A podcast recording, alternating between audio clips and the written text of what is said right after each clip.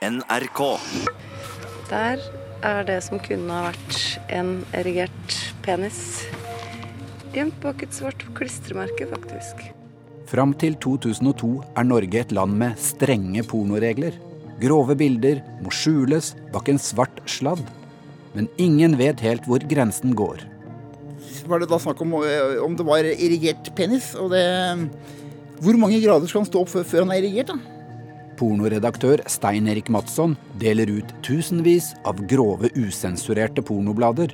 Han går til krig mot norsk sensur helt til Høyesterett. Bildene viser seksuell aktivitet mellom to og to voksne mennesker, bl.a. i form av vaginale og anale samleier, suging og slikking, til dels i nærbilder. Du hører på serien Hele historien fra NRK Radiodukk. Kampen mot pornoloven av Line Alsaker, del én av to.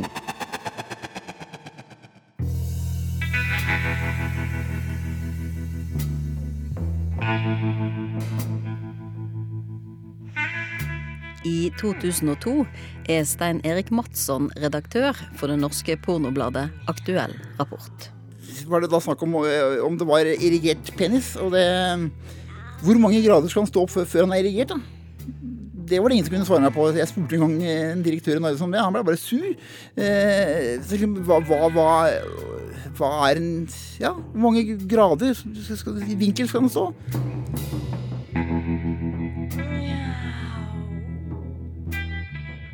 Redaktør Madsson har et problem.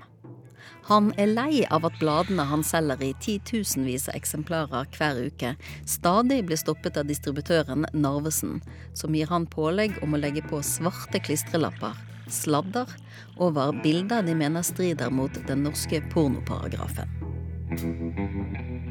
Dessuten så var det sånn at vi følte at Narvesen lot skli lenger med andre blader som var såkalt mer erotiske enn de gjorde med, med, med våre blader. Men da måtte vi finne ut hvor grensen egentlig gikk. Ved starten av 2000-tallet er Aktuell rapport bladet alle har sett et eksemplar av.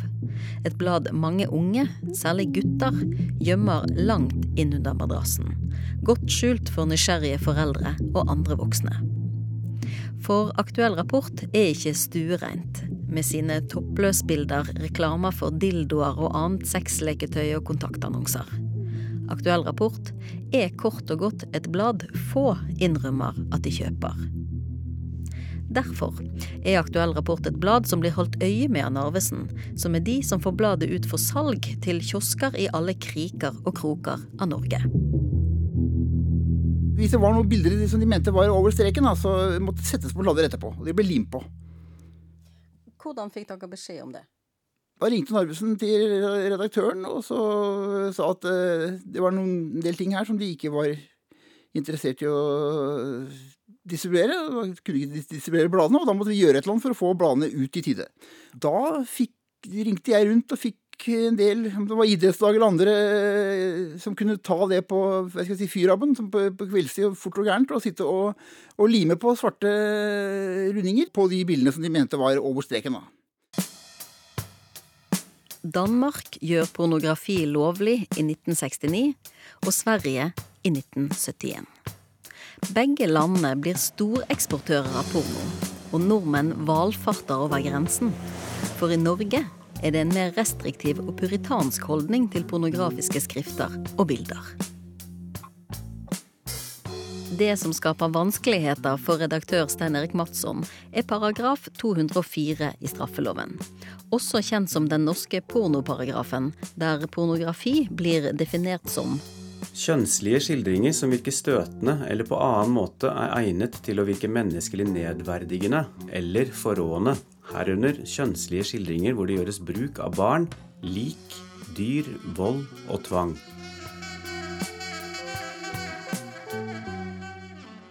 Problemet var ikke at paragrafen fantes, problemet var at tolkningen av paragrafen var helt forskjellig fra gang til gang. Så dermed visste ingen egentlig hvor grensen gikk for hva som var lov å vise av sex i bladene, som var spesiallaget for det norske markedet. De kom i paller og, fra et trykkeri, da, på svære trailere fra Østerrike. Og så kom de inn på lageret til Narvesen. Eh, men så skulle de gjennomgås for å se om Narvesen kunne distribuere dem. Og det er på dette punktet vanskelighetene ofte oppstår. Bladene kommer til Norge med et innhold redaksjonen mener er innenfor norsk lov. Men hva Narvesen mener er innenfor, det varierer veldig. Som regel så ville jo ikke da ledelsen ta i noe så ille som pornografi, så det var det stort sett den som det passa for da som var på vakt på lageret, som måtte gå gjennom det. Derfor kunne jo standarden bli litt varierende, kan du si. Alt ettersom hvem som er på vakt og sjekker ukens eksemplar av Aktuell rapport, så kan Matsson få en enorm ekstraoppgave dersom inspektøren ikke er fornøyd. Det kan nemlig være opp mot 40 000 eksemplarer som må sladdes, og det må gjøres for hånd ved å lime på svarte klistremerker over akkurat det bildet og den kjønnsdelen Narvesen mener går over streken for hva som er lovlig å vise porno i Norge. Og tiden er knapp. En, en sånn slåddagsjon det er stort sett over natta, for det var den, det var, den tiden vi hadde. Altså, Det kom gjerne på mandager, tirsdager fra Østerrike, og så skulle de sendes ut på torsdager. Og så skulle du da først på lager, og så skulle du gås gjennom først. Så det, det, ble stort sett bare et døgn vi hadde på oss. Men det var idrettslag og, og andre som ja, Det var vernede bedrifter, idrettslag eh, Alt mulig. Ja, folk som trengte penger. Frivillige organisasjoner stort sett, som, som trengte penger. Og ingen sa nei, liksom? Nei, det var jo gode penger. Hvor mye kunne det koste, da, en sånn aksjon? Ja, 100 000. Noe sånt noe. Så der sitter de da. Om kvelden og utover natten. I en diger hall. Idrettsforeldre og ansatte i vernete bedrifter og blar gjennom eksemplar etter eksemplar av pornobladet for å finne det riktige stedet å plassere det svarte klistremerket. Men så får redaktør Madsson en idé. En idé det skal bli bråk av. En idé som skal forandre det norske pornouniverset for alltid. Han vil bli kvitt sladden en gang for alle. Men historien om norsk pornobransje starta lenge før Stein Erik Madsson. Allerede tidlig på 70-tallet smyger en småkriminell mann med ambisjoner seg inn på den norske pornoarenaen. Leif Åge Hagen, Pornohagen, starter sin karriere på postordremarkedet. Her er han med i TV-programmet Manshow på TV2 Sebra med Håvard Lilleheie. Altså, faen. Jeg var på, jeg var på Miss i Amsterdam. Ja. tenker jeg, Da tar jeg en liten tur bort til Red Light. jeg tenkte bare å titte litt rundt, altså. Men så ble jeg litt frista. Ser jeg den flotte bruden i det vinduet Å! tenkte jeg en liten avsugning, det skulle være godt der. Leif Hagen er en visjonær forretningsmann, og blir etter hvert den største pornogrossisten i landet, og står for import av enorme mengder porno til Norge. Jeg så at det var store muligheter i pornografi. Gjennom Pornohagens blad Aktuell rapport blir et vareutvalg bestående av pornofilm, pornoblader, oppblåsbare dukker og løspeniser tilgjengelig over hele landet. Her er Hagen i et radiointervju i 1982. Men Hagen, hva var det som eh, fikk deg til å bli interessert i pornografi? Er det bare penger? Nei, jeg så det var en bransje i grunnen som hadde utviklingen for seg. Forretning det har jo i grunnen vært min ikke bare arbeide, men også hobby. Og det å prøve seg på en ny bransje, det var jo interessant. Hva gjør du på fritiden? Ser du eh, pornofilm? Nei, ikke i det hele tatt. Hva gjør du da? Hva jeg gjør for det meste, enten er man i grunnen ute og reiser, eller så er man i grunnen da på jobb, eller så er jeg på byens restauranter, eller så har jeg med noen vakre damer hjem.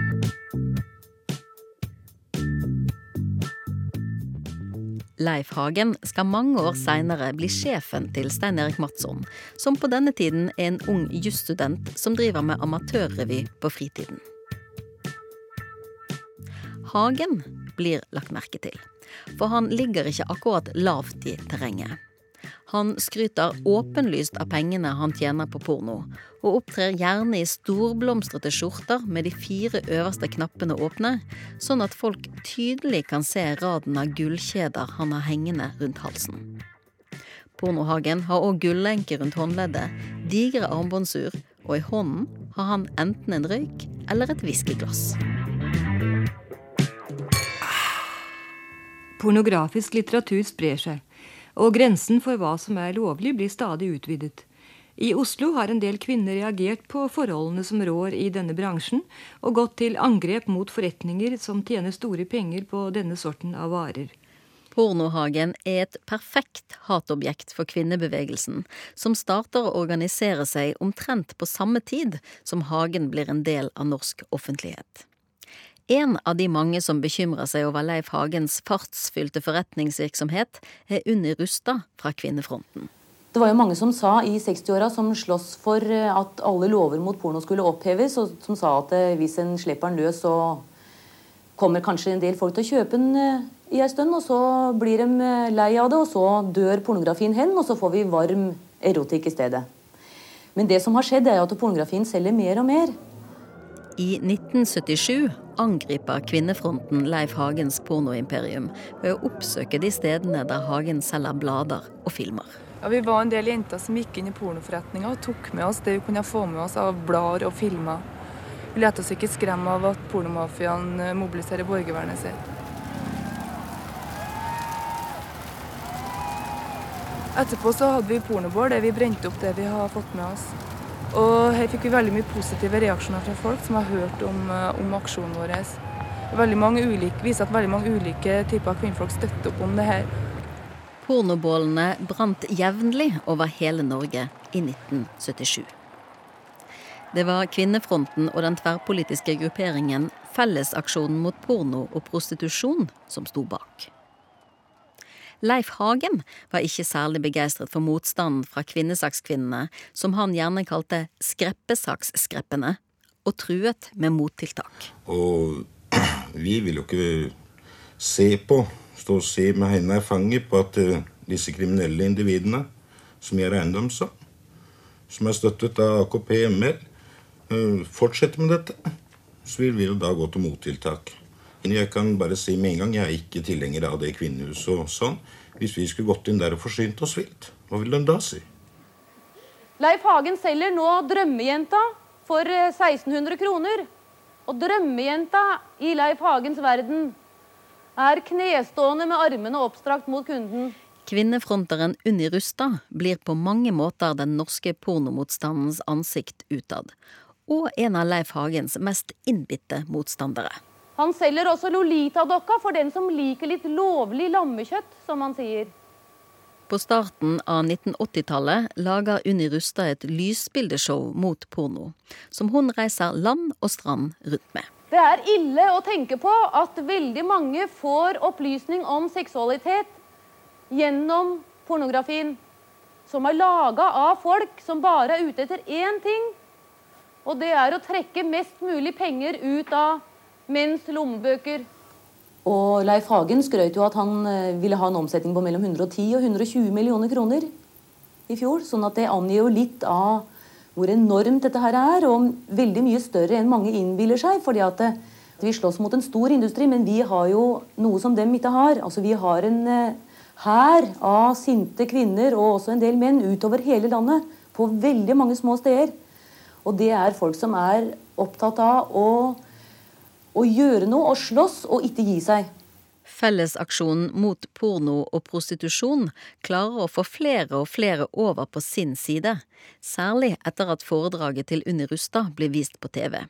Men òg ved utrettelig å stå og demonstrere utenfor butikker som selger porno.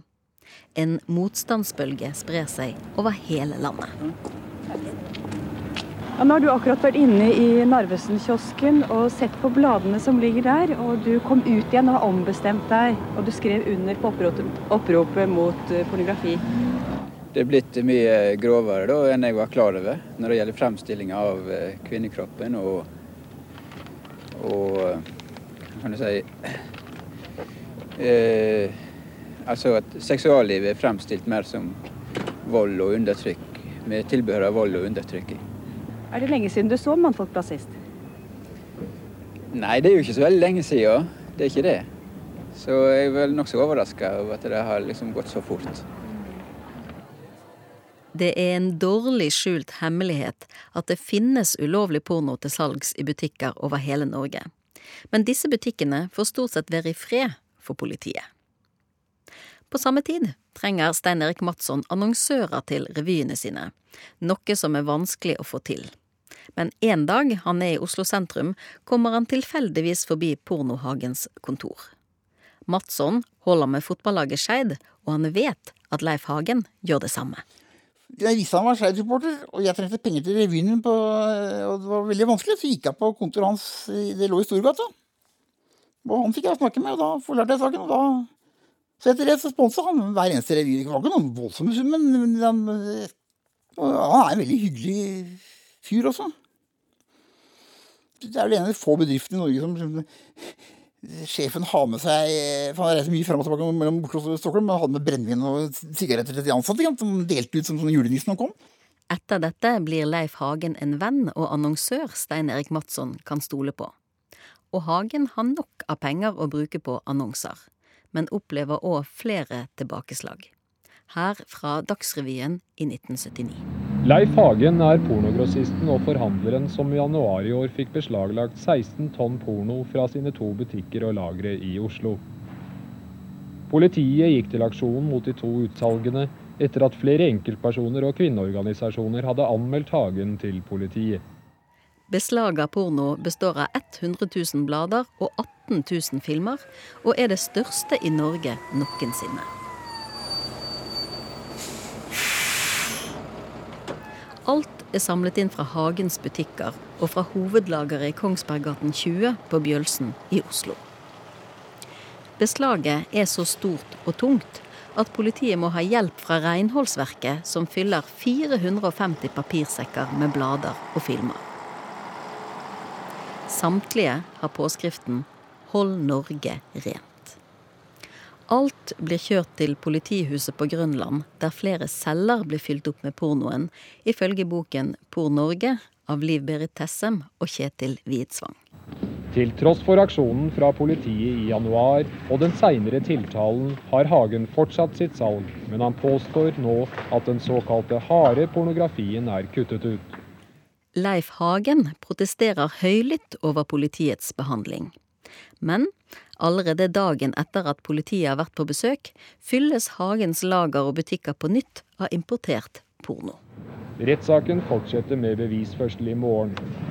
Det blir da juryen som skal ta stilling til om de blader og filmer som er plukket ut, er utuktige eller ikke. Dersom juryen mener at sedelighetsgrensa er brutt, kan det bety at Leif Hagen må slutte med sin virksomhet.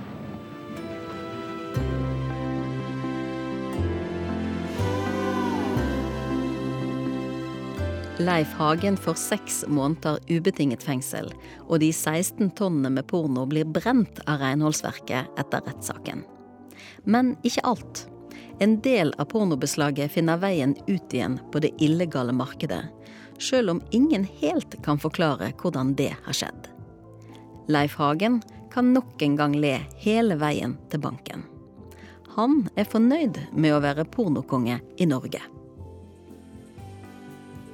Men så sitter han en, en eh, dag nede på Kanariøyene, Las Palmas tror jeg det var, på uterestaurant. Der han er glugg aleine, og så Eller er det da en til der. Det er en svenske, helt andre enn han skriker Er ikke du Leif Hagen, norska porrkungen? Jo, det var han, da.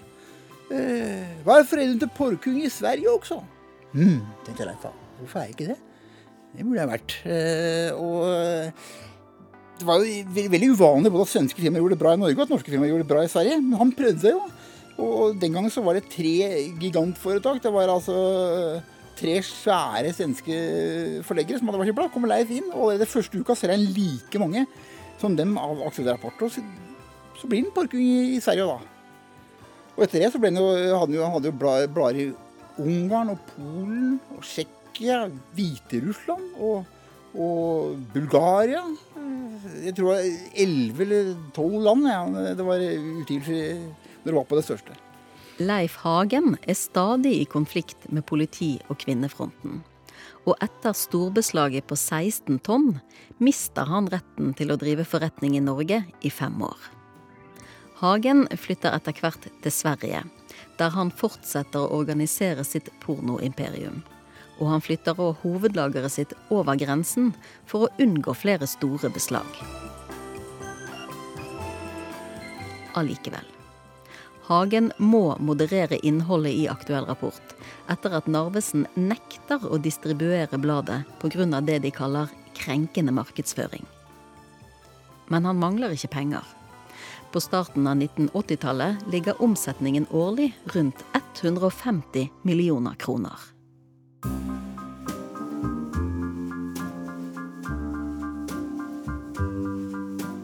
På 90-tallet kjøper Leif Hagen etter hvert opp det gamle norske mannfolkbladet Alle menn.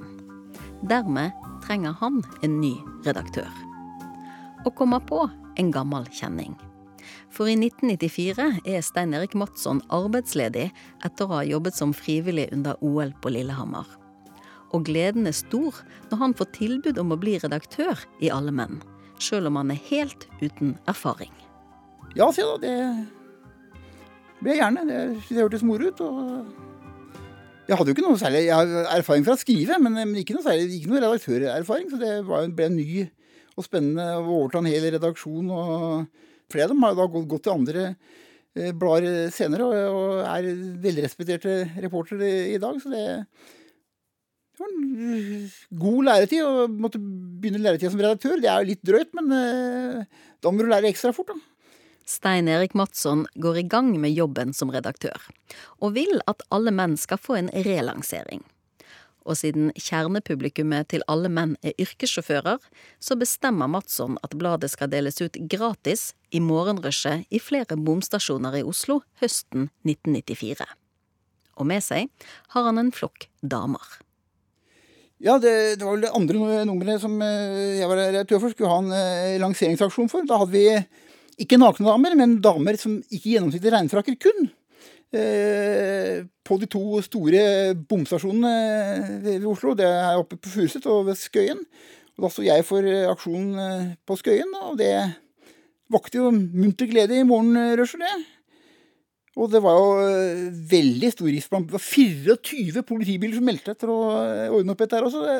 Og det var seks maier, tror jeg, når vi skulle bli kjøres inn i maier. Og det var veldig hyggelig. Vi hadde, husker vi kjørte strippeshow for, for gutta inn i, inn i eh, politibilen, og det var veldig populært. Så de, gjorde, de, gjorde, jobben sin, og det gjorde vi også, kan du si. Så det var eh, gjensidig glede. Og så fikk vi da voldsomt opplag oppslag rundt dette her. Da har vi fått eh, celebert besøk her i studio. For her kommer Mai Kristin, som er ikledd kun et armbåndsur og, og smykker. Og så en helt gjennomsiktig plastfrakk. da. En frakk som ikke overlater noe til fantasien, så vidt jeg kan se. I media får saken stor oppmerksomhet, og damene i gjennomsiktig regnfrakk blir tiltalt for blotting. Tidligere denne uka så ble du dømt til å betale flere tusen kroner for sammen med fire andre kvinner å ha stått slik og delt ut bladet Alle menn ved et par av veibommene inn til Oslo. Ja. Mm. Og her står du nå og ser iallfall ikke ut som noen angrende synder. Nei, det gjør jeg ikke. Nei. Men si meg, du er jo allerede dømt en gang, og, og kan du ikke bli det en gang til når du sitter her naken som i mors liv i Dagsnytt 18 Studio? Mm? Nei. Du er ikke redd for det? Nei, det er jeg ikke. På forhånd har Stein Erik Madsson bestemt seg for å drive gjøn med Dagsnytt 18-programleder Jens Soli. Du, du sa innledningsvis at uh, her, her, kan du se alt. Uh, kan du det? Altså, Det står, ja. står, her i dommen, som jeg har foran meg. Ja, men det kan Vi vel, et øyeblikk, vi bør ikke gå til dommen og dama sitter her i studio. Ja, nei, det, er Derfor skal dere få en ekspertopinion uh, ja, fra deg. Jeg syns ikke den skjuler så veldig mye. Overlater ikke så veldig mye til fantasien. Behåringen i skrittet kunne tydelig ses. Kan du se det? Ja, Hvis hun reiser seg ja, gjør, det, gjør det. Skal vi se om uh, herre Solli ser det. Uh, ja, jeg gjør det. Ja da, jeg gjør tydelig? tydelig det. At hun har behåring i skrittet? Ja. Er vel for, også fordi jeg vil Hun har ikke det, skjønner du. Så det er tydeligvis at du, din fantasi Nei. løper litt av med det. Uh, så det er, uh, det, er, det er akkurat det som Fine felle for programlederen her. Må jo prøve oss lite grann. Hva er det hun har i skrittet da, da? Stein Erik Matssons stunt får blandet mottagelse. Men pirker borti noe som kommer til å bli avgjørende for redaktørens videre skjebne. Hva skal det være tillatt å vise på en naken kropp, og hva er ikke tillatt? Handler det om personlig krenkelse eller ytringsfrihet? Arne Stø og kvinnegruppa Ottar ville på tidlig 90-tall vise folk hva de mente innholdet i porno egentlig er. Vi lagde stands, altså vi lagde plakater eh, der vi klippa ut innholdet i, i pornoblader eh, for, for, å vise altså hvordan det, eh, hvordan det så ut. Og ja, Den ene gangen så hadde vi funnet noe litt for, for, nasty, så vi endte opp med å stå liksom lørdag formiddag og liksom skygge for denne standbooken, sånn at ikke barn og gamle mennesker og andre sarte sjeler skulle bli utsatt for disse grusomhetene. det var vel da vi ga opp og fant ut at det, det var en, egentlig en, en, dårlig plan. Men, men altså mye av mye av aktivitetene eh, mot porno har jo, har jo handla om metodikken porno mot porno. Altså det å vise fram eh, eh, ja, innholdet med en analyse eh, kobla på. og det var jo altså På 80-tallet så var det jo Unni Rustad som ble kjent for å kjøre rundt med disse pornoforedragene, men det var jo mange, mange flere som var eh, altså det, det, det var en bevegelse hvor de var rundt på ja, alle slags skoler, ungdomsklubber, militærleirer, eh, husmorforeninger. Ja, så holdt de disse foredragene. Det var lysbilder eh, på den tida. Stadige ekstrakostnader i 100 000-kronersklassen pga. pålagte sladdeaksjoner når det minst passer, begynner å tere på tålmodigheten til pornoredaktør Stein Erik Madsson. Både tid og penger går tapt. Altså, det, det var disse evige aksjonene, Og samtidig så hadde vi jo da blader som Cat som ble produsert eh, i, i, Danmark. og skulle, Da var liksom oppgaven å forklare Narvesens pornopolicy til utlendinger. Og det viste seg De prøvde så godt, det var god vilje, for å si det sånn, men de, de klarte ikke å skjønne hvor denne grensen gikk hen. Men snart skal det store vendepunktet komme. Og grensen for ytringsfrihet skal virkelig bli testet.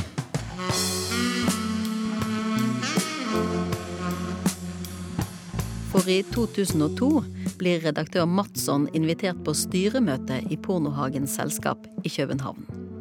Der har han med seg et forslag til hva som kan gjøres for å få pornosladden fjernet i Norge.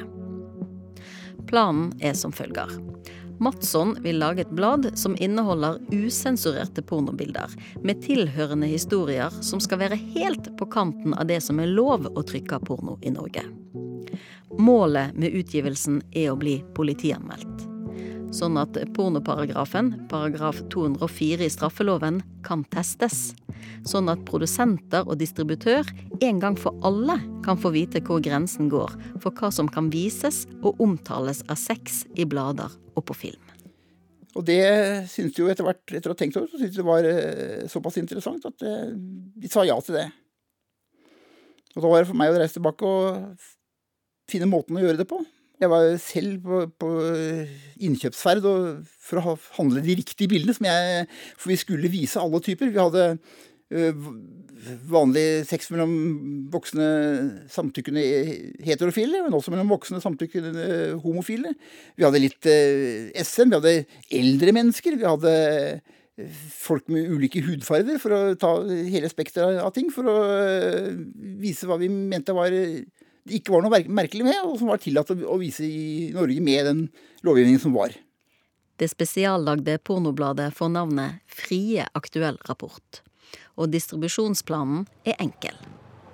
Matsson trykker opp 13 000 eksemplarer som redaksjonen deler ut på gaten sommeren 2002. I tillegg får samtlige stortingsrepresentanter hvert sitt eksemplar i en lukket konvolutt i sine posthyller på Stortinget. Det kommer ingen fra pressen selve dagen Frie aktuell rapport blir delt ut. En straffesak var eneste måten å få, få, få, få en avgjørelse på dette her på. For da måtte man bestemme om den som var tiltalt, var skyldig eller ikke. Nå venter og håper pornoredaktør Madsson på en politianmeldelse.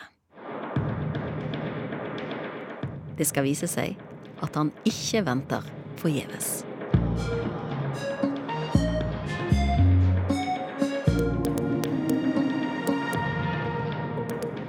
Dette var del én av to av Kampen mot pornoloven.